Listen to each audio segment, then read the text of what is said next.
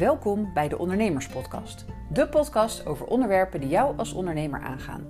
Ik ben Marjolein Hettinga en in deze podcast wil ik jou inspiratie, tips en tricks geven om het ondernemen makkelijker en nog leuker te maken.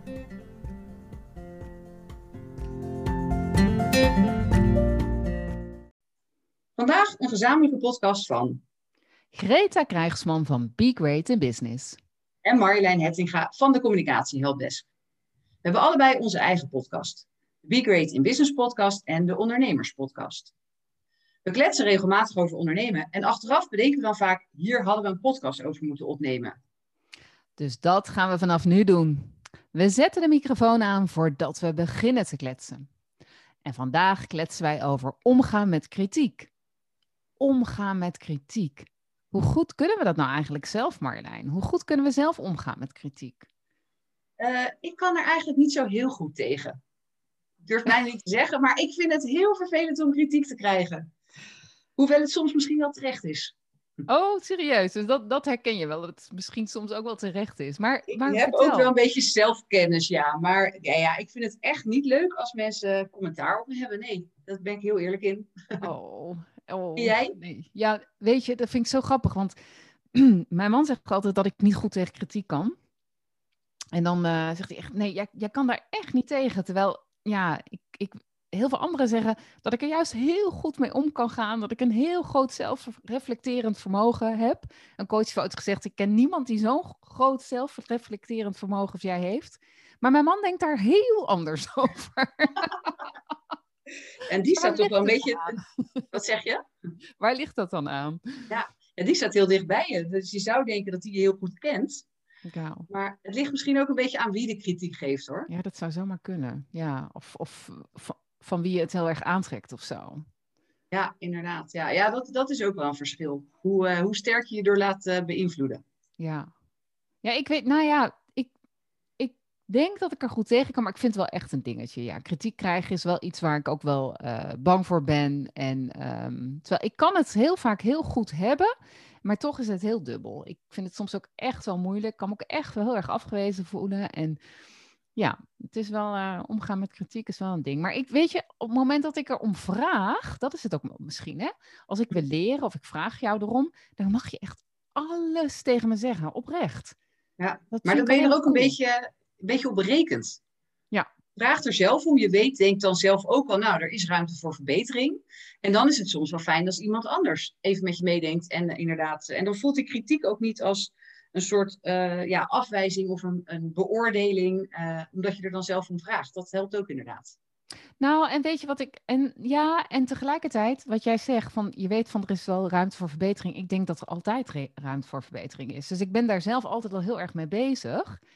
En dan merk ik wel, als iemand dan ook nog eens, weet je wel, vindt dat hij dat dan gewoon moet zeggen, ongenuanceerd of zo. Dan denk ik, ja, hallo, weet je.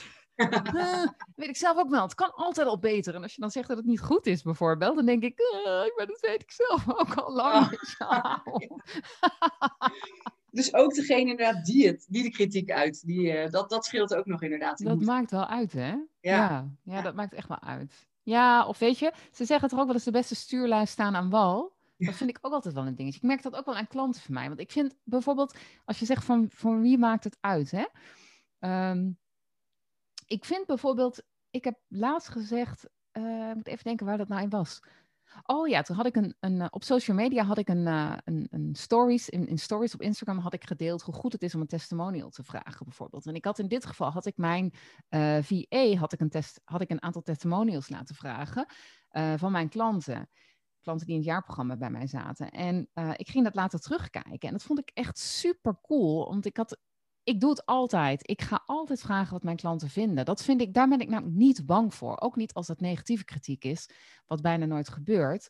Maar als dat wel zo is, vind ik dat een enorme kans. Want ik wil graag dat mijn klanten eh, blij zijn met wat ik doe. Dat zij hè, waarde halen. En ik kan daarvoor kiezen wat ik daar wel of niet mee doe. Maar dat is heel wezenlijk, vind ik. Dus eh, dan ben ik ook niet bang om iets te horen. Ik kan dan ook bijsturen als ze niet tevreden zouden zijn. Ik denk altijd dat is gewoon een kans om hen eh, tevredenheid eh, groter te krijgen. Hè? Ja. Ehm, als dat dus aan de orde is. Het is heel erg leuk want meestal krijg je dan juist te horen wat je allemaal goed doet. Dat is juist heel erg fijn. Maar nogmaals, als je dan iets negatiefs hoort, kan je daarop op anticiperen. Maar goed, lang verhaal wordt het zo langzamerhand. Die VA van mij had het dus nu opgenomen dat ik tegen haar zei: Joh, ga jij dat eens doen? Dat lijkt mij nou heel goed. Kijk of, of er dan andere dingen naar boven komen. En uh, nou, sowieso, weet je, zij kon, ja, het scheelde mij ook tijd in dit geval. Um, en ik had er dus teruggekeken en dacht, dat is gaaf zeg, om dan te horen wat, uh, wat anderen over jou zeggen. Um, dat, dat geeft toch weer een hele andere, andere kijk op zaken. En ja, dat kan, dat kan ik gewoon iedereen uh, aanraden. Heb je ook het idee dat ze dan eerlijker zijn over jou, als je het niet zelf vraagt, maar als jouw VA erom vraagt? Dat ze dan misschien meer tegen iemand durven zeggen over wat ze misschien niet, waar ze niet tevreden over zijn? Nou, dat, ik, ik was daar wel benieuwd naar. Ik was echt benieuwd naar of ze dan andere dingen zouden zeggen. Dat was in dit geval niet zo. Alles wat ze eigenlijk zeiden, zouden ze ook tegen mij zeggen.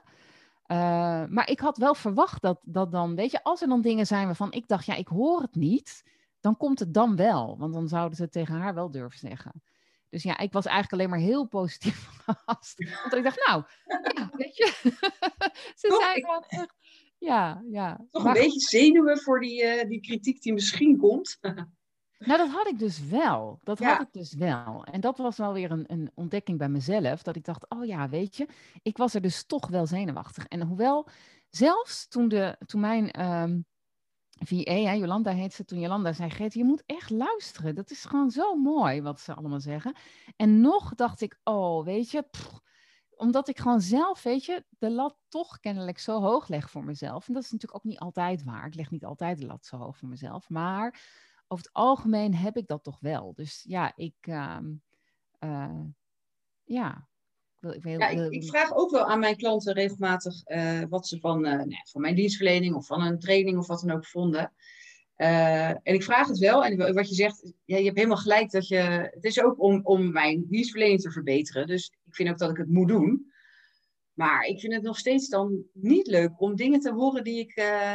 Ja, ik, ik, merk dat ik heel gauw dan in de verdediging ga. Want ik dan denk, ja, maar ik heb het anders bedoeld. Of ja, maar heb je zelf wel genoeg gedaan? Dat is heel onaardig. Maar soms denk ik van ja, ik moet ook gewoon dat aannemen en kijken, vinden meer mensen het? Uh, en dan moet ik er ook soms gewoon wat mee. Maar mijn eerste reactie is een soort verdediging. En dan ga ik nog een keer kijken en denk ja, soms hebben mensen wel gelijk. Ja. En soms hebben ze geen gelijk. Maar dan is het, merk ik dat vaak ook niet mijn, mijn ideale klant is. Ja. Dus dat, eh, dat, ja, van wie het komt vind ik ook wel belangrijk. Um, ik krijg ook nog wel eens... Uh, uh, ik kreeg een keer een, uh, stuurde iemand een, mij een mailtje of een berichtje eigenlijk van ja sorry ik heb je voor je maillijst afgemeld want ja ik vind dat je te veel mail stuurt of te lange mails geloof ik en ik heb er niet zoveel aan en ik vond het hartstikke schattig dat ze zich afmeldt of dat ze dat nog even verontschuldigde bij mij maar dat is helemaal niet nodig want dat was mm. een ja, vakgenoot dat is mm. niet mijn ideale klant. Dat is niet degene waar ik die mails voor stuur. Mm-hmm. Dus als het dan van zo iemand komt, vind ik het niet erg. Vind ik het geinig dat ze het laat weten. Maar uh, ja, dan, dan vat ik dat ook niet op als kritiek. Omdat ik merk dat, dat anderen wel veel eraan hebben. En uh, zolang niet de mensen zich uh, met uh, tientallen tegelijk afmelden, dan zal er nog wel iets interessants in die mail staan voor heel veel mensen. Ja, en dat is denk ik dan ook anders. Hè? Zij, zij legde op dat moment uit waarom ze zich uitschreef. En dat was niet, nou, zoals jij het zegt, zou ik het ook helemaal niet omschrijven als kritiek. Dat was de reden opgeven waarom je je uh, af, hè, uitschrijft eigenlijk. Um, ja, dus dan, dan, ja, dat is gewoon haar, haar mening. Je zou het natuurlijk op kunnen vatten als kritiek, maar dat is het ook. Hè? Wat vat je op als kritiek en wat niet? En wat ik, wat ik net zei, wat ik wel lastig vind, hè, zijn mensen, de beste stuurlui staan aan wal. Weet je, mensen die ja, zelf bijvoorbeeld uh, nog nooit uh, gefietst hebben, die vinden er dan iets van. dat vind ik met voetballen altijd zo. 17 miljoen uh, bondscoaches hebben hier, hè? ja, ga dan zelf op dat veld staan. Probeer dat dan eens, weet je wel? Dan denk ik, ja, je kan er van alles van dan, vinden. Maar dan mag je er inderdaad wat van vinden. ja, maar weet je dat, hè? Dat gevoel, doe het maar eens. Ga daar maar eens staan. En dat is natuurlijk van wie wil je zelfkritiek hebben? Nou ja, jij zegt het net al sowieso van je klanten, ja, daar wil je absoluut uh, kritiek van hebben. En jij mag natuurlijk zelf kiezen of het kritiek is die je wil aannemen of niet en wat je ermee wil doen. Maar dat zijn wel de mensen die er dan toe doen. En als jij met je kop boven het maaiveld uitgaat, bijvoorbeeld, zijn er natuurlijk heel veel mensen die hem eraf willen hakken. Ja, zijn dat de mensen waar je iets van moet aantrekken? En, en dat is, ja, de beste stuurlui staan natuurlijk altijd aan. Ja. Kom maar op dat schip. Kom maar eens even. ja. Dan praten we nog wel eens weer. ja, inderdaad. Hey, we hebben voor deze podcast een aantal uh, stellingen opgesteld waar we, waar we over gaan kletsen. Zal ik gewoon de eerste stelling erin gooien? Doe dat eens. Kritiek zegt vooral iets over degene die het uit. Ja. Ja. Ik, dat, is, dat is mijn eerste reactie vaak. Zeg meer over jou dan over mij. Ja. Niet altijd. Maar het ligt er een beetje aan of het uh, kritiek is. En eigenlijk komt de volgende stelling uh, daar ook over. Hoe is kritiek bedoeld? Ja. Um, als het echt naar is, dan vind ik over het algemeen dat het uh, meer over degene zegt die het uit. Uh, bijvoorbeeld op social media. Nou, daar vliegt het nog wel eens uit de bocht natuurlijk. Mm um, vaak is het dan eigenlijk zet je jezelf meer verschut dan dat. Uh, ik, ik, denk dat dat het een groter effect is van mm. zoiets. als, je, als je onaardig of onvriendelijk reageert. Dan dat jij je doel ermee bereikt. Namelijk dat je misschien iemand voor schut wil zetten. Of een beetje neer wil halen. Of ja. Ik denk kan... dat we. Ja, ik denk wel dat het wat uitmaakt, Marjoleina. Of je, kijk, wat jij, waar jij het over hebt, over social media, wat mij wel vaak opvalt, is dat, eh, en dan zegt het ook absoluut iets over degene die het uit. Er zijn mensen die zijn er gewoon op uit om steeds, um, uh, wat is het woord daarvoor? Bashen of zo. Weet je, die gaan voortdurend op allerlei accounts, gaan ze gewoon uh, allerlei nare dingen uiten. En um, ja, dat, dat is echt, ik zou bijna zeggen, een soort van afwijking of zo. Weet je, dat gaat helemaal nergens meer over. Ja, ik bedoel, uh, en um, het zegt ook vooral iets over jezelf natuurlijk. De, die zijn daarop uit. Er zijn ook gewoon mensen die zijn heel negatief uh, ingesteld. Dus die vinden hm. overal ook iets heel negatiefs van. Mensen die negatief ingesteld zijn, die zullen ook iets heel snel negatief beoordelen. Terwijl mensen die positief ingesteld zijn, zullen dingen veel sneller positief beoordelen. Dus dat zegt ook iets over, over hen. Um, en ik denk dat per definitie daarmee, wat ik nu ook al zeg, is natuurlijk ook al zo, Marjolein. Hoe, jij kijkt naar de wereld vanuit waar je, dat is met communicatie, hè, Marjolein. Als jij in verwachting bent, bijvoorbeeld, uh, of jij bent een huis aan het bouwen, hè, twee totaal kunnen met elkaar te maken hebben, maar, dat hoeft niet. Het is allebei niet het geval, gelukkig hoor. nee, maar ik bedoel maar... Man, pap, niet schrikken. ja, ik vind het, ik vind het zo... Uh, nee. als jij... We kletsen wat af. Goed voorbeeld, Greta. Ja, ja. Ga verder. Ik vind het altijd zo'n mooi voorbeeld. Uh, ik leerde het al op de HBO over communicatie. En toen was dat ook nog lang niet bij mij aan de orde. Maar toen hadden ze dat als voorbeeld. Dat ben ik nooit meer vergeten. Dan is iedereen opeens zwanger, weet je wel? En dat, ja. dat is dus ook echt zo. Als jij, uh, dus jij kijkt, jij kijkt, en dat leren we bij communicatie. Jij, jij kijkt vanuit Um, ja. de black box, hè, met wat er in jouw leven speelt, vanuit die uh, bril kijk je naar de ander. Dus er vallen jouw dingen op waar jij mee bezig bent. Dus, ja. dus het zegt per definitie iets over jou, altijd. Over de ja, ander ik, bedoel ik. Ja, zeker. En wat ik ook merk is, um, nou, als we het toch over social media hebben. Uh, kijk, je hebt natuurlijk van die gekkies die overal belachelijk op reageren. Nou, daar wil ik het niet eens over hebben vandaag. Uh, we, we, gaan toch. Wat? Het zijn podcasten, we, we podcasten voor ondernemers. Ja. Maar um, wat je ook nog wel eens ziet, is dat ondernemers um, heel erg vanuit, ook vanuit zichzelf, eigenlijk vanuit die eigen bubbel, op alles reageren. Dus die denken. Overal waar ik mezelf kan profileren, overal waar ik mijn eigen product kan, uh, kan pluggen of mijn eigen dienstverlening kan, uh, uh, kan promoten, die mm. kans moet ik aangrijpen. En dan, dan mm. neigt ze er vaak naar dat, dat ze gaan reageren op LinkedIn bijvoorbeeld met eigenlijk hun product is beter. Of weet je, en soms nog niet eens letterlijk, maar dan krijgt zo'n opmerking vaak een venijnig ondertoontje. Ik heb ook wel eens gehad dat um, uh, plaatste ik een bericht en dat ging eigenlijk over dat de kwaliteit van wat je op social media post in eerste instantie niet zo heel veel uitmaakt als je het maar doet. Als je maar Mhm. begint. Als je Mhm. nu niks op social media doet en, en je gaat morgen plaatsen een bericht, dan heb je alweer een grote stap gezet in je zichtbaarheid. Mhm. Daar ging het bericht over en eerst gingen allemaal mensen best leuk reageren en daarna merkte ik dat de sfeer een beetje veranderde. Uh, en dan gingen er opeens allemaal mensen, het ging dan ook over bijvoorbeeld de kwaliteit van de video. En uh, nou, dan ging ik zeggen, ja, iedereen met een uh, mobiele telefoon, die denkt maar dat hij dat die fotograaf is of videomaker.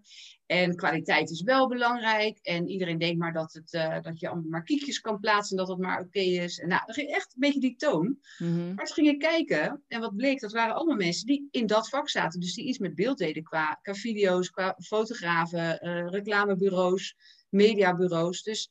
Um, die zaten heel erg hun eigen territorium te bewaken. Maar ik denk niet dat je daarmee echt wat opschiet. Want mensen vinden je toch ook een beetje een zeurpiet. Daar doen ze gewoon niet zo graag zaken mee. Maar kijk, het kan natuurlijk van alles zijn. Hè? Het kan natuurlijk bewust zijn. Er zijn mensen die doen dat bewust. Hè? Die, die, uh, zijn, die plaatsen wel echt wat nare dingen over anderen om te zorgen dat ze daar zelf uh, hè, wat beter door naar boven komen. Uh, hè, dat is een vorm van waar, een manier waarop mensen dan reageren onder post. Maar wat er ook aan de hand kan zijn, dat is een andere, die is niet zo bewust, die is onbewust. Er kan natuurlijk frustratie uh, onder zitten. Zeker. Als het, als het gewoon niet zo goed met jou gaat, uh, bijvoorbeeld, en jij hebt dan gewoon slechte handel, dan kan dat een manier zijn waarop je frustratie uit. Ja, ik vind het dan gewoon vooral vervelend voor iemand. Dat ik denk, goh, weet je, ja, dat, dat vraagt dan wel wat compassie. Uh, of tenminste, daar mag je compassie voor hebben. Want dat kan soms gewoon, ja, mensen kunnen gewoon echt wel het moeilijk hebben dan. En vanuit die frustratie, ja, uh, het helpt hen niet dat ze dat doen. Maar ja, ik vind dat, ik, ja, dat kan er wel onder zitten, hè? Wel mooi om er zo naar te kijken, inderdaad. Ja. ja. Zullen we naar de volgende stelling gaan? Ja. Kritiek is nooit opbouwend. Uh... Ze zeggen natuurlijk wel eens, ja, alleen maar opbouwende kritiek. Maar dan gaan ze iets zeggen wat je over het algemeen nooit leuk vindt om te horen. oh ja. Kritiek is nooit opbouwend, ja. Hoe zie jij dat? Um, als het klinkt als kritiek, ik, ik vind kritiek een negatieve klank hebben, laat ik zo zeggen. Ja. Uh, je hebt natuurlijk ook, ja, je hebt een, een, verschil tussen misschien kritiek en feedback en advies. Ja. Um, ik vind als, als iets klinkt als kritiek, dan, dan, dan vat ik dat nooit opbouwend op. Ook al wordt er letterlijk bij gezegd, dit is opbouwend bedoeld. Mm. Wat ik net zei, meestal hoor je dan iets wat je eigenlijk liever niet wil horen. Mm -hmm. um, het is vaak wel een beetje hoe je het, hoe je het uh, inpakt. Zelf heb ik ook vaak, als ik denk, nou, ik weet, ik, ik kan iets zeggen waar iemand misschien wat aan heeft, dan, dan Mhm. vraag ik het ook gewoon van, joh, mag ik een tip geven of sta je daarvoor open? Of, Ja, precies. Weet je wel, dan, dan kleed je het een beetje in. En Ja. eh, ehm, dan, dan weten ze ook dat het met de beste bedoelingen eh, ja, gezegd wordt, zeg maar. Ik denk dat dat wel uitmaakt. Kritiek is nooit opbouwend. Nee, daar ben ik het dan niet mee eens. Want ik vind ehm, dat ligt eraan. Eh, Is nooit opbouwend? Nee. Want kritiek kan wel degelijk opbouwend zijn. Inderdaad, hè, als wij, als jij, stel dat wij deze podcast opnemen en je vraagt achteraf, goh, wat, hè, eh, kun je eens wat feedback geven? Eh, of kun je me eens vertellen ehm, wat verbeterpunten zijn? En je hebt dan bijvoorbeeld een hele concrete vraag, dan kan ik daar naar kijken. Hè? Of ik kan de vraag aan jou stellen, of we kunnen het aan iemand anders vragen. Dan kan dat wel, ja, dan wil je wel eerlijk horen wat iemand daarvan vindt. Je wil wel eerlijk eh, een antwoord dan. En dan kan dat heel opbouwend bedoeld zijn. En dan, ja, dan is het aan mij dat ik dat ook wel wil horen. En ik vind dat omgekeerd ook wel. Hè? Maar dan, dan gaat het ook al wel over wat jij zei. Van ik stel de vraag, wil je een tip bijvoorbeeld? En in dit geval kan het ook zijn, iemand komt bij jou voor die tip. Maar als het, kijk, als het zo is, hè, wat, wat, dit is wel kritiek, kan je er ook veel over zeggen. Op het moment dat ik ehm, iets van jou vind en ik vind dat jij het moet veranderen en je hebt het überhaupt niet gevraagd, dat is helemaal niet aan mij. Nee. Hoezo moet ik er... Ja, ik mag er iets van vinden, maar jij hoeft het niet te veranderen. Je hoeft het niet aan te passen, want het is niet van mij.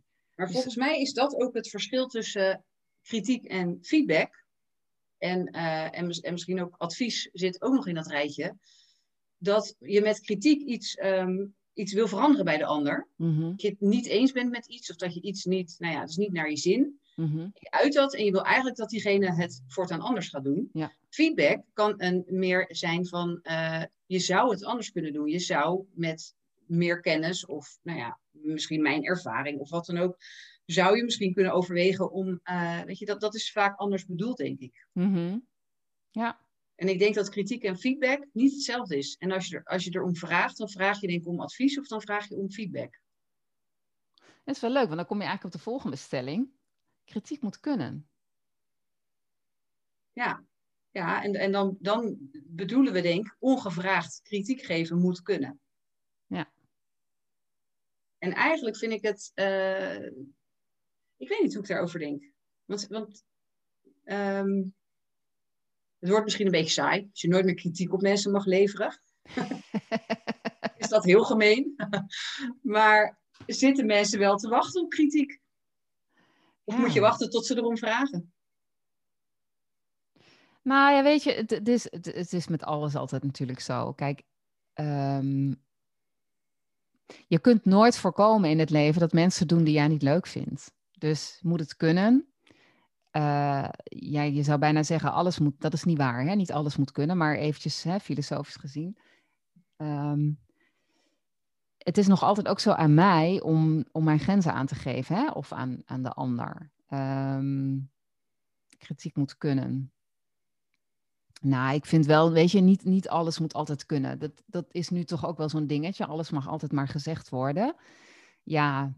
Onder het mom van vrijheid van meningsuiting ja, moet je alles kunnen zeggen en, en iedereen kunnen kwetsen. En uh, daar, daar ja, mag niemand er wat van vinden. Maar dat is best een ingewikkelde discussie. Want ik, in principe kan ik jou niet kwetsen. Hè? Dat, dat, of je gekwetst wordt, dat, ook dat is aan jou. Kijk, ik, jij kan, als jij iets tegen mij zegt, dan ja, ik hoef mij niet te laten kwetsen daardoor. Ik kan ook denken, één oor andere, uh, in het andere oor uit. Kijk, mijn vader, weet je, dat vond ik met het, het, het, het pesten bijvoorbeeld ook. Hè? Ik ben niet voor pesten, hè? begrijp me niet verkeerd. Maar pesten, je kunt het bijna niet voorkomen. Het gebeurt. Nee, het is ja. des mens, weet je. Hm. Het gebeurt. En mijn vader zei vroeger, dat, dat ben ik echt nooit vergeten. Dat hij, mijn vader was kaal, al heel jong. Dus toen hij mij kreeg, was hij al kaal. En um, hij, op school zeiden ze dan, ja, jouw vader is een biljartbal, weet je, kale knikker. En dan kwam ik thuis en zei ik, pap, ze hebben het weer gezegd. Ik maakte me daar dus boos over dat uh, mijn klasgenootjes dat zeiden. En mijn vader zei, ja, maar Greta, ik, ja, ik word er niet anders van, hè? Hm. Het, is ook, het was ook een feit. Het was een feit. En uh, nou ja, weet je, maar hij werd er niet anders van. Zij mogen er iets van vinden en ik word er niet anders van. Dat heeft wel indruk op mij gemaakt. Echt enorm. Weet je, en tuurlijk werd ik wel gekwetst. Ik ben vroeger wel uitgescholden voor koe. Greta, nou, dat wel een koe, weet je wel. tuurlijk was dat niet leuk. Maar uh, ja, dus dat vond ik wel vervelend. Hè? Of dat je wat, uh, wat steviger was. Ik was als kind wat, wat molliger. Ja, maar ja, uiteindelijk is het dan ook aan mij om daarmee om te gaan. Uh, en dat is wel ook, ook heel belangrijk. En de ander mag leren van ja, je kan iemand kwetsen. Hm. Dus ja, blijft toch een ingewikkelde. Maar eigenlijk zou je dus als kind, uh, ja, kinderen vooral een soort weerbaar moeten maken. Uh, als je zegt van ja, pesten kan de wereld niet uit. En pesten als kind wordt kritiek als volwassene misschien. Want dan noemen we het kritiek, maar soms is het misschien ook nog gewoon, kan je het ook nog onder de noemer pesten gooien. Ja. Eigenlijk zou de oplossing meer zijn, uh, vooral jezelf weerbaarder maken, het makkelijker van je af laten glijden. Nou, daar, je hebt altijd het meeste, meeste invloed op jezelf. Hè? Dus jezelf weerbaar maken, dat helpt altijd, altijd. En tegelijkertijd uh, ook voor jezelf leren van, ja, kan ik, kan ik erop letten dat ik iemand anders niet kwets? Ik vind dat ook wel belangrijk, dat je gewoon je, jezelf wel je woorden weegt. Weet je, als ik gewoon weet dat ik jou kwets, dan kan ik daar rekening mee houden. Dat vind ik wel belangrijk. Hm. Ja, misschien ook leren relativeren. Als het gaat om kritiek ontvangen. Ja bekijken hoe het inderdaad, hoe is het bedoeld? Ja. Nou ja, wat, waar, waar, we het net bij de eerste stelling al over hadden, zit diegene misschien niet zo lekker in zijn vel? Kan je daar een beetje begrip voor opbrengen? Ja. Uh, als je het zo bekijkt, ehm, kijk, het feit dat iemand het nodig vindt om kritiek te uiten, daar zal misschien ook iets zitten van, nou ja, een rotdag, slecht ja. humeur, een, ander, een frustratie inderdaad. Um, zo wordt het denk ik ook makkelijker om kritiek te kunnen ontvangen. Als je, als je bedenkt, er zal misschien bij diegene wel wat aan de hand zijn. Waardoor die even niet zo aardig reageert als uh, dat je misschien zelf zou willen. Ja, dat het niet, dat het niet over jou gaat. Hè? Maar god Marjolein, weet je, zoveel dingen komen toch neer op... Um, dat jij zelf gewoon weet dat je waardevol bent, hoe dan ook. Hè? Dus dat het, dat het helemaal niet uitmaakt. Dat jij er niet anders van wordt. Sowieso niet. Je bent oké, altijd.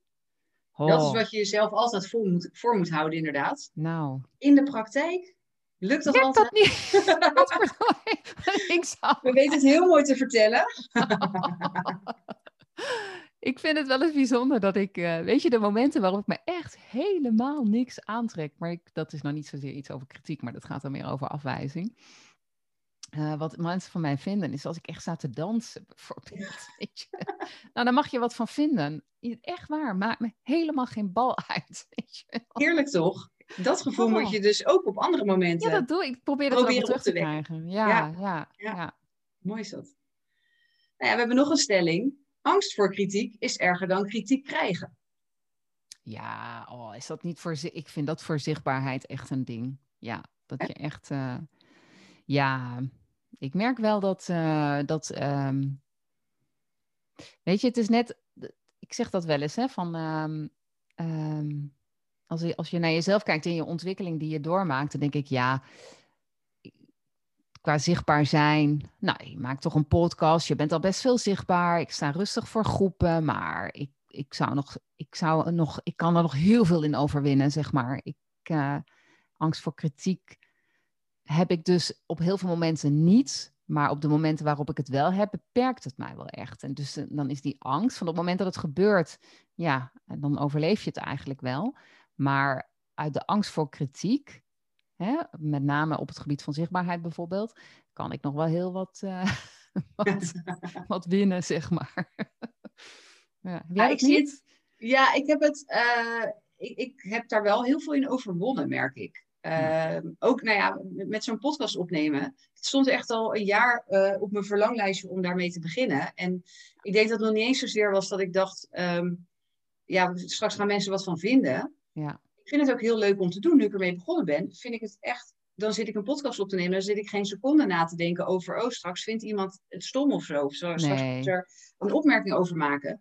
En ja, het mooie is, nu heb ik misschien eh, 120 mensen die mijn podcast geluisterd hebben. Dus dat zijn er sowieso nog niet zo heel veel. Mhm. Maar ik hoop natuurlijk dat het in de toekomst veel meer wordt. En ja, als ik dan bij elk woord ga nadenken over wat iemand ervan kan vinden, dan wordt het een heel, eh, ja, geforceerd eh, iets natuurlijk. ja. Ja. Ik heb dat wel, in, in ieder geval in mijn werk en in mijn, mijn zichtbaarheid en in mijn bedrijf heb ik dat echt wel af weten te schudden, gelukkig. Eh, maar ik merk wel dat heel veel van mijn klanten daar echt wel mee worstelen Mhm. ze zo bang zijn over wat iemand er misschien van gaat vinden, dat ze, nou ja, niet, ja, met netwerk bijvoorbeeld niet helemaal zichzelf durven te zijn. Dus als ze ergens mogen pitchen bijvoorbeeld, dat je dan toch een beetje standaard ehm, terughoudend verhaal krijgt. Eh, nou, social media is wat dat betreft nog enger, want je gooit dingen op het eh, amazing internet en eh, de hele wereld kan meelezen natuurlijk. Mhm. Terwijl juist, ja, ik probeer ze dan altijd wel eh, ook te laten zien van hoe groot is de kans dat zoiets gebeurt? Dus dat iemand naar gaat reageren bijvoorbeeld.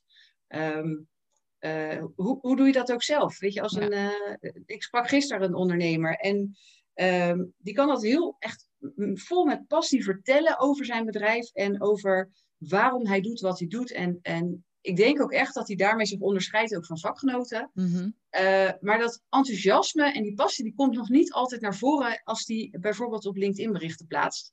Uh, en daar hadden we het over. En toen zei hij ook van ja, weet je, dan, hij was eigenlijk een beetje, zat hij in zijn hoofd met wat vakgenoten ervan vinden. Want hij zegt ja, als ik heel simpel dingen ga uitleggen, wat op het niveau van nou, wat zijn klanten nodig hebben, ja, dan gaan mensen daar wat van vinden. En er Ja. zijn best wel wat van zijn vakgenoten die dan ook dat uh, gaan uiten. Dus die daarop gaan reageren op een niet al te gezellige manier. Ja. En dat hield hem tegen. Ja. En dan, kijk, dan zeg ik ook altijd van, um, stel dat het andersom was. Stel dat een collega iets plaatst waarvan jij wat vindt. Ja. Nou ja, dan denk je het misschien wel, maar ga je dat dan ook uiten? Ga je hem bellen met, joh, wat je nou geplaatst hebt, ik vind maar, uh, maar raar of stom of wat dan ook. Uh, of ga je een bericht eronder zetten zodat iedereen het kan lezen? Weet je, Ja. het antwoord is over het algemeen nee. Ja.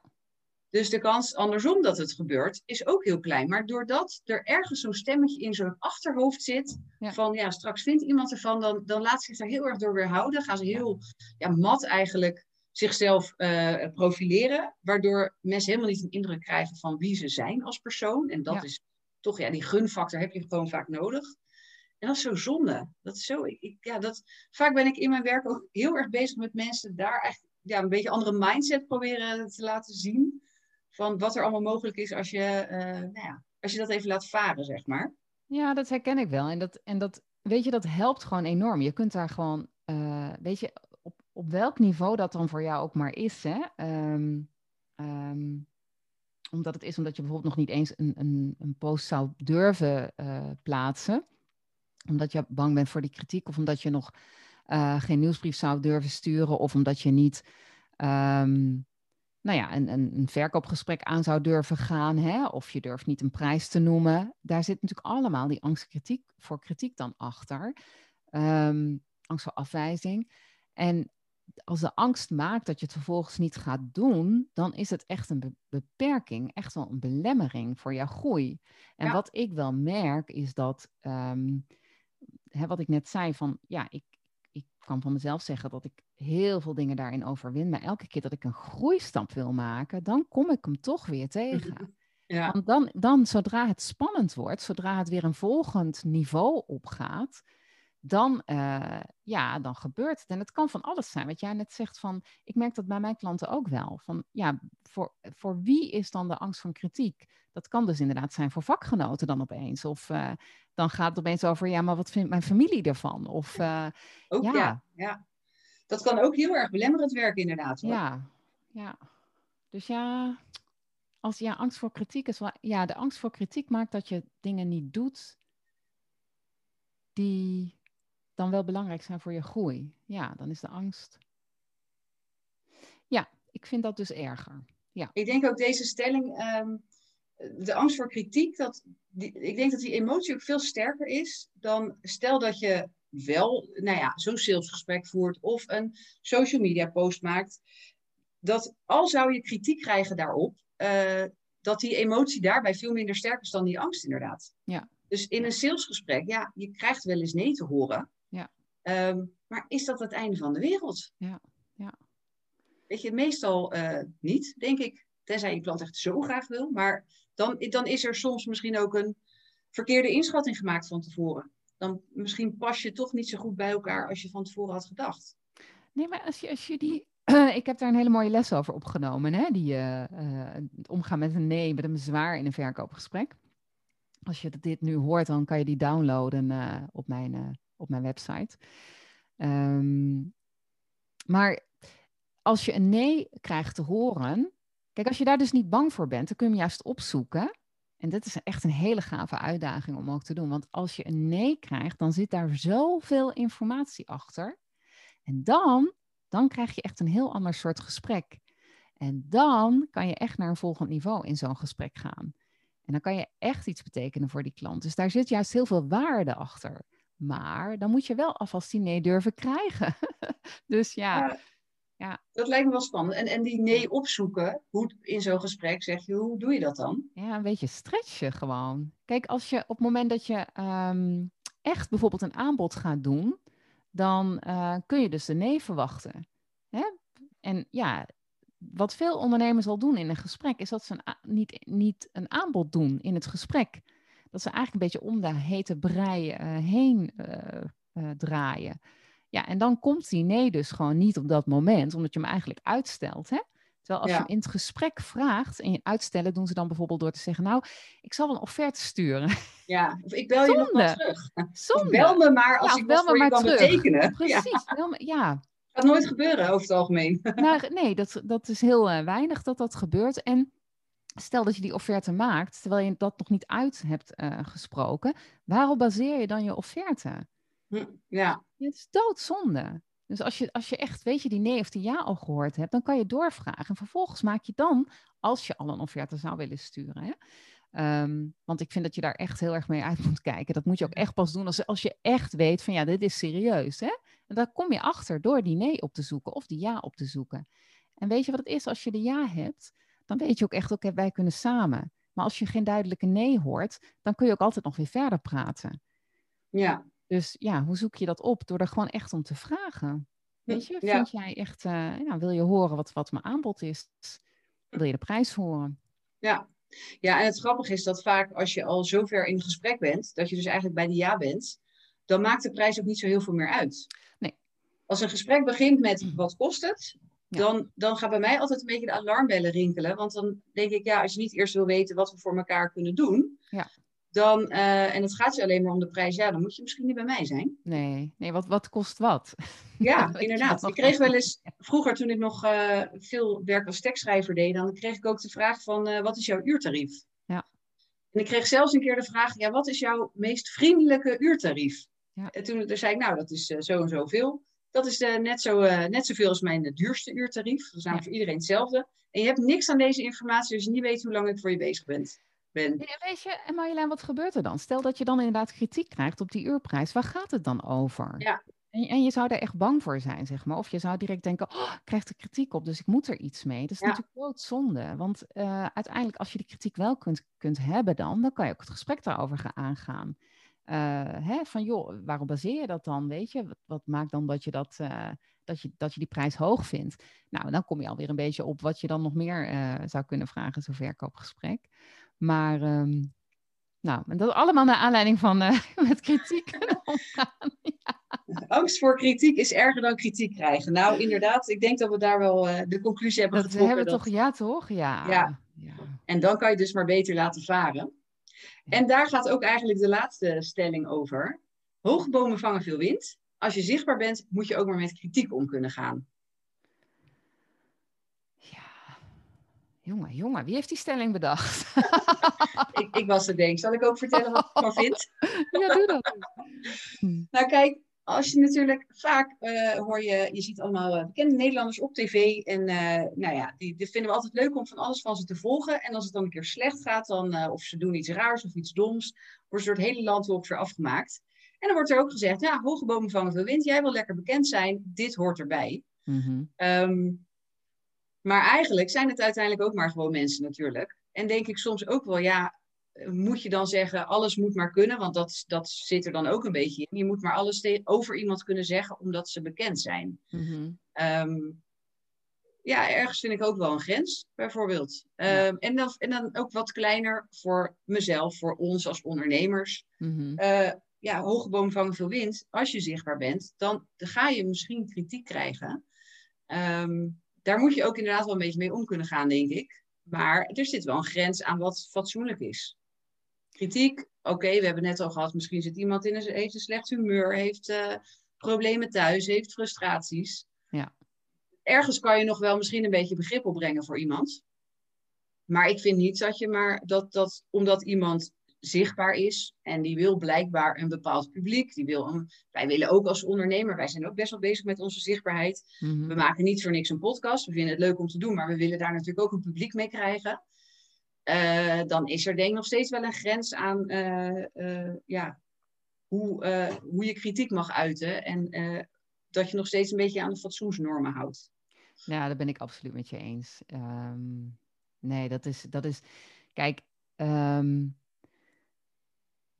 zeg maar, hè, scheldwoorden gebruiken, echt vieze negativiteit over iemand heen gooien. Ehm, ja, nee, ik, ik vind het echt eh, te erg eh, als dat gebeurt. Ehm, want dan, en, en dan, heb, dan moet ik ook even denken waar we het net over hadden. Hè? Ehm, ga, ga het maar doen. Ga het maar Ja, doen. Hè? ja, Ga het maar doen. Hm. En je weet niet altijd waarom mensen ook iets doen. Dus, en dan nog, je hoeft iemand niet te schofferen op geen enkele manier. Eh, wat, ik, wat, ik, wat ik wel vind, ehm, en dat is ook iets waar ik heel erg aan werk vaak met mijn eigen klanten, is ehm, hè, die op een gegeven moment echt door willen groeien. Ik heb het ook altijd over het schaamteloos, ambitieus en succesvol zijn natuurlijk. Hè? Dus, dus dit, eh, dit, dit, dit scha- hoe zeg je dit? Dit raakt dit ook wel heel erg. Als je op een gegeven moment dingen gaat doen die eh, zeg maar afwijken van de norm, dan mag je je borst nat maken dat daar eh, wat van gevonden wordt. Überhaupt, hè? inderdaad, hoge bomen vangen veel wind. Eh, en ik merk dat bij mijn klanten, dus ook wel bij mijn doelgroep heel erg. Ehm, dan helpt het wel als je leert om daar heel goed mee om te kunnen gaan. Dus dat zit wel verweven in alles wat wij doen. Ik, ik heb het ook wel heel erg over op het moment dat je die volgende stap gaat zetten, dan vraagt dat een nieuw soort zelfvertrouwen van jou. En ehm, ja, dus, dus eh, het is niet zo dat je dan ook maar mee om moet kunnen gaan, maar het is wel zo dat, je, dat het je helpt als je, er, als je er extra mee leert omgaan, want je komt het wel tegen. En het kan je heel erg belemmeren als je niet weet hoe je daarmee om kan gaan. Dus.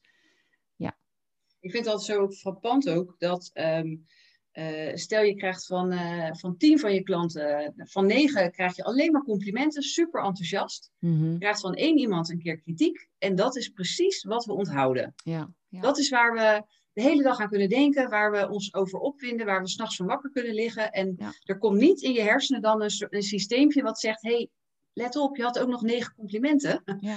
En, en als je dan kijkt, ja, die negen mensen, misschien hebben die wel meer gelijk dan die ene die, eh, nou ja, die niet aardig was. Dat is zo typisch hoe dat dan, eh, ja, dat we daar al onze energie dan ook in gaan steken. Ja, nou ja, maar goed, dat vraagt echt. Dat, het vraagt ook energie om dat dus niet te doen. Dat vraagt echt iets van ons. En ik denk dat wij in de kern zijn wij natuurlijk sociale dieren en willen we gewoon eh, geaccepteerd worden. En dat hebben we ook nodig als soort om te overleven. Ehm, dus op zich is, is dat ook iets heel moois natuurlijk. Maar tegelijkertijd, weet je, als je, eh, als je voortdurend eh, bezig bent met geaccepteerd te worden door eh, door iedereen, dan word je door niemand geaccepteerd. En zeker niet door jezelf. Dus het allerbelangrijkste is dat jij jezelf accepteert. En dat je trouw bent aan jouzelf en waar jij in gelooft. En dan je, uiteindelijk ben je dan nooit alleen natuurlijk. Want er zijn altijd mensen die daarop op aanhaken. Ja. Dus, Ja. Je kan ook niet met iedereen vrienden zijn. En dat moet je ook niet eh, proberen. Nee. En dat is net als met eh, ondernemers. We kunnen ook niet voor iedereen er zijn. Nee, weet je wat ik heel mooi vind? Is dat je als je bedenkt. ehm, nou, als je, ik, ik geef wel eens het voorbeeld dat je een product hebt waarvan je zelf echt zegt, nou, dat is echt een fantastisch product voor mij. Weet je, dit is echt een. eh, nou, ik werk bijvoorbeeld zelf heel graag met, met Apple. Eh, hè? En ja, goed product, weet je. Ik, ik, ik heb daar dus eh, veel geld voor over dat ik met een MacBook werk. En, ehm, maar niet iedereen vindt dat een goed product. Maar het is wel een marktleider. Hè? Het is wel, eh, over het algemeen wordt het gezien als een echt een aanmerk en een goed product. Maar niet iedereen vindt dat. Is het dan geen goed product? Nee. En wat er is een markt voor. Er is net een zo- markt voor, precies. En die net zo denken als jij inderdaad. Ja, en het boek wat jij misschien gelezen hebt, waar jij laaiend enthousiast over bent, vind ik misschien wel echt een belachelijk stom boek. Nooit doorheen gekomen. Ja. Weet je, Arno Grunberg, nee, maar Tirza. Ik vond het een fantastisch boek. Geweldig. Ik weet dat mijn buurvrouw echt zei, nou dat boek dat gooi ik zo hup over de schutting, weet je. In de kachel. Daar is, is nog ergens goed voor. nou ja, weet je, is toch geweldig. ja. Nou ja, zo is het ook. En dat moet je ook voor ogen houden. Voor wie doe je het? Voor wie, voor wie wil je zichtbaar zijn? Voor, eh, weet je, wie zijn je klanten? Ja. Eh, en het is belangrijk dat die jouw boodschap snappen. En dat die daardoor getriggerd worden. En ja, wat de rest ervan vindt, is toch een stuk minder belangrijk. Maar het, Nee, is- dus het is kijk, makkelijker als- gezegd dan gedaan. Nou ja, weet je, ja, maar goed, wel belangrijk. Ik vind wat, wat ik wel tegen mijn, mijn klanten altijd zeg, en dat probeer ik mezelf ook elke keer voor te houden. Hè? Ik voel zo'n drive, zo, zo'n drive voor mijn missie. Ik wil met die kritiek, ik wil me niet laten beperken door die kritiek. Ik doe het hè, wel, mijn angst voor kritiek, hè, dat wou ik zeggen. Of dat moet ik eigenlijk zeggen, want ik krijg niet zo vaak eh, kritiek. Dat valt eigenlijk best wel mee. Ik heb één keer wel een behoorlijke, dat vond ik echt heel naar. Volgens mij weet jij dat ook. Ja, wil ik wel delen.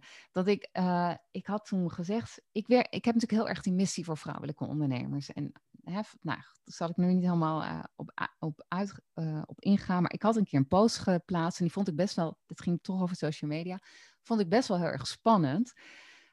Omdat dat ging over, wat ik zelf op een gegeven moment gemist heb, is de steun van, nou, ik wil, eh, het, het- ik ben moeder, ik had drie kinderen. En ik wilde mijn zakelijke ambities ook, eh, ook waarmaken. Maar ik had tegelijkertijd ook de struggles, zoals we, eh, veel van ons ook wel hebben, die struggle. En ik merkte iedere keer als ik dat zei tegen iemand, dat ik, of zeg maar 9 van de 10 keer kreeg ik zoiets van, doe jij maar rustig aan. Weet je, nee, maar waarom zou je ook willen? Je hebt drie kinderen, weet je. En op een gegeven moment was ik daar zo klaar mee, dat ik echt, weet je, ik voelde gewoon zo van, nou, waarom, waarom word ik gewoon niet daarin gesteund? Weet je, waarom krijg ik gewoon geen handvaat? Waarom, eh, en ik, op een gegeven moment had ik, was ik helemaal in het gevoel gegaan en ik had daar een post over geschreven. Van, eh, en, maar ik heb dat ook letterlijk op een gegeven moment gevoeld. Dat er weer iemand, dat ik dat tegen iemand zei, helemaal aan, ik was echt... En die zei tegen mij, nou, doe jij ook maar rustig en jouw kinderen zijn nog zo jong. En ik dacht echt, nou, ik kan de- deze persoon nu wel een klap voor zijn kop slaan. ik ook geven. Was Oh, dat, waren dat mensen eh, uit jouw privéomgeving of ook zakelijk? Waren dat Nee, vrienden, ik- familie? Of, eh, Nee, dit was iemand die ik, eh, die, die zelf eh, vier kinderen had en die kwam ik tegen en ik dacht echt van, oh, weet je, en die is zelf ook een ondernemer en ik dacht, hè, weet je, ik kan je wel, nou ja, maar ik, nee, dit, dit is gewoon de emotie die erbij kwam, dat ik er zo klaar mee was. Dat ik dacht van, dit is niet wat ik wil horen, maar dat is aan mij, hè, qua communicatie. Ik had gewoon natuurlijk moeten zeggen, en ik, weet je, ik ben de laatste die zou willen slaan. Ik bedoel, dat is het niet, maar het zat me zo hoog. Ja. Nou, en daar, daar schreef ik gewoon over. Zo van, joh, ik dacht echt. En ik kreeg reacties daarop. Nou, wat ben jij agressief, en wat denk jij wel? En dit, nou, Marjolein, ik vond dat erg. Ja? meer? Ja, ik dacht echt, "Oh, nou, ik ga nooit meer wat delen.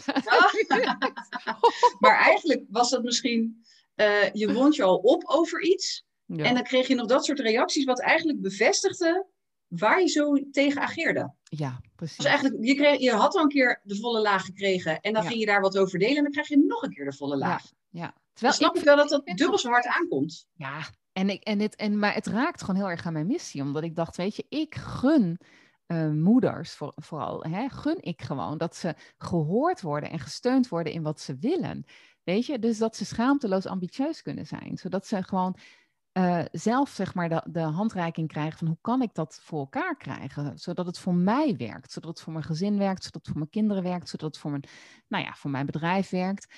En eh, dus ik heb dat zelf gewoon heel erg gemist. En eh, nou ja, dus dit, dit raakte gewoon heel erg aan, aan mijn kern. En ja, en nee. Het is ook wel typisch hè, dat mensen dus vinden dat ze daar in jouw geval kritiek op kunnen leveren. Ja. Ik heb zelf geen kinderen.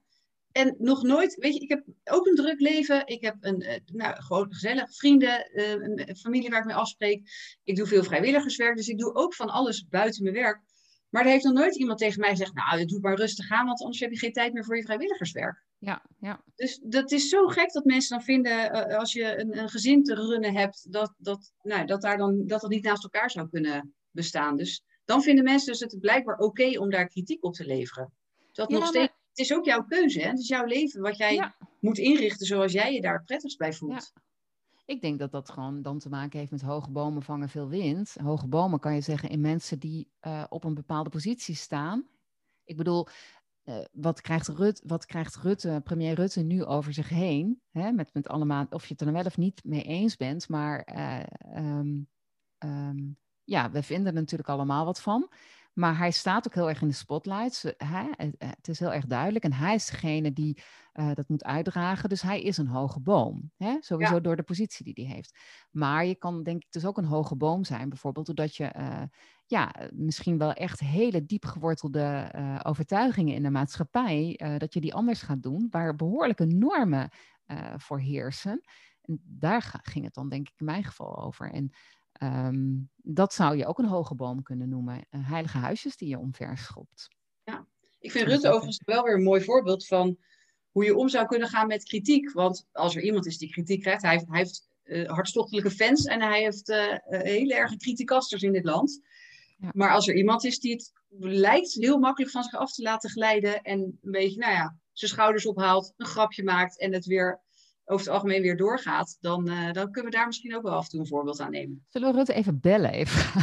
Ik zou heel graag willen weten hoe hij er echt over denkt, inderdaad. Als iemand zijn telefoonnummer heeft, dan willen we hem graag in de volgende podcast Ja. uitnodigen. Dat zou het zijn. hè? Doe met ons mee op de vrijdagmiddagborrel. En vertel. Vrijdagmiddagpodcast met eh. Rutte, Krijgsman en Hettinga. Ja, nou, nieuw format is geboren. Ja, precies. Ja, ja. ja goed. Zullen we hiermee de podcast zo'n beetje afsluiten? Ja, volgens mij hebben we wel... ehm, we zitten denk ik over over kwartier te kletsen. hè? Ja. jongen, jongens, hè? Ja. Het is wel gelukt dit keer de microfoon aanzetten voordat we ons gesprek over nuttige onderwerpen beginnen. Ja. Nou ja, en we hebben ook wel eh, echt gewoon vrij uit zitten kletsen, hè? Tenminste, ik heb het, eh, ik heb het wel gedaan. Jij ook? Zeker weten. Ik stel Ja. voor dat we dit vaker gaan doen. Ik vind het een Ja. leuk concept. Nou ja, als je dit gehoord hebt en je denkt, ja, vaker doen, laat het vooral horen. Als je kritiek hebt. Ja. nou, doe maar. Geef Kritiek het maar. mag ook, ja. Het mag ook. Misschien openen we je mail niet, maar eh, kijk maar even. Ja, tot de volgende keer. Tot de volgende keer.